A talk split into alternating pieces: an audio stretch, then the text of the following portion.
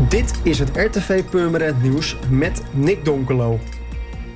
De politie heeft gisteren in Amsterdam een 20-jarige Purmerender aangehouden op verdenking van grootschalige fraude. De aanhouding is gedaan na een groot onderzoek van de politie naar fraude met betaalproducten. De recherche gaat ervan uit dat hij zich waarschijnlijk bezighield met identiteitsfraude, marktplaatsfraude, chantage, afpersing, computervredebreuk en diefstal met geweld. De politie gaat ervan uit dat gaandeweg het verloop van het onderzoek nog meer slachtoffers zich melden. De Purmerender is op het politiebureau verhoord en zal later deze week worden voorgeleid aan de rechtercommissaris. Handhavers gaan de komende weken gele kaarten uitdelen aan foutparkeerders bij winkelcentrum Mercado. Na 1 mei worden actief boetes uitgeschreven.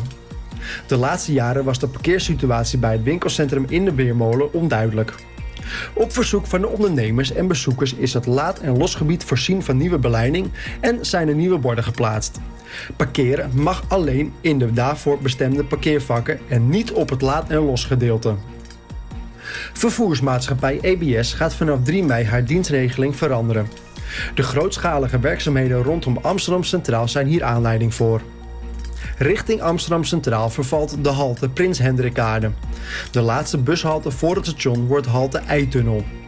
Vanaf Amsterdam Centraal richting Waterland blijft halte Prins Hendrikade wel gehandhaafd. Niet alleen de bussen die van en naar Amsterdam Centraal gaan krijgen te maken met veranderingen, maar ook voor de bussen die richting metrostation Noord gaan verandert wat in de dienstregeling. Voor de meeste buslijnen gelden wel slechts kleine wijzigingen. De wijzigingen in de dienstregeling zullen naar verwachting gelden tot en met 22 oktober. Voor meer nieuws, kijk of luister natuurlijk naar RTV Purmerend, volg je onze socials of ga je naar onze website, dat is www.rtvpurmerend.nl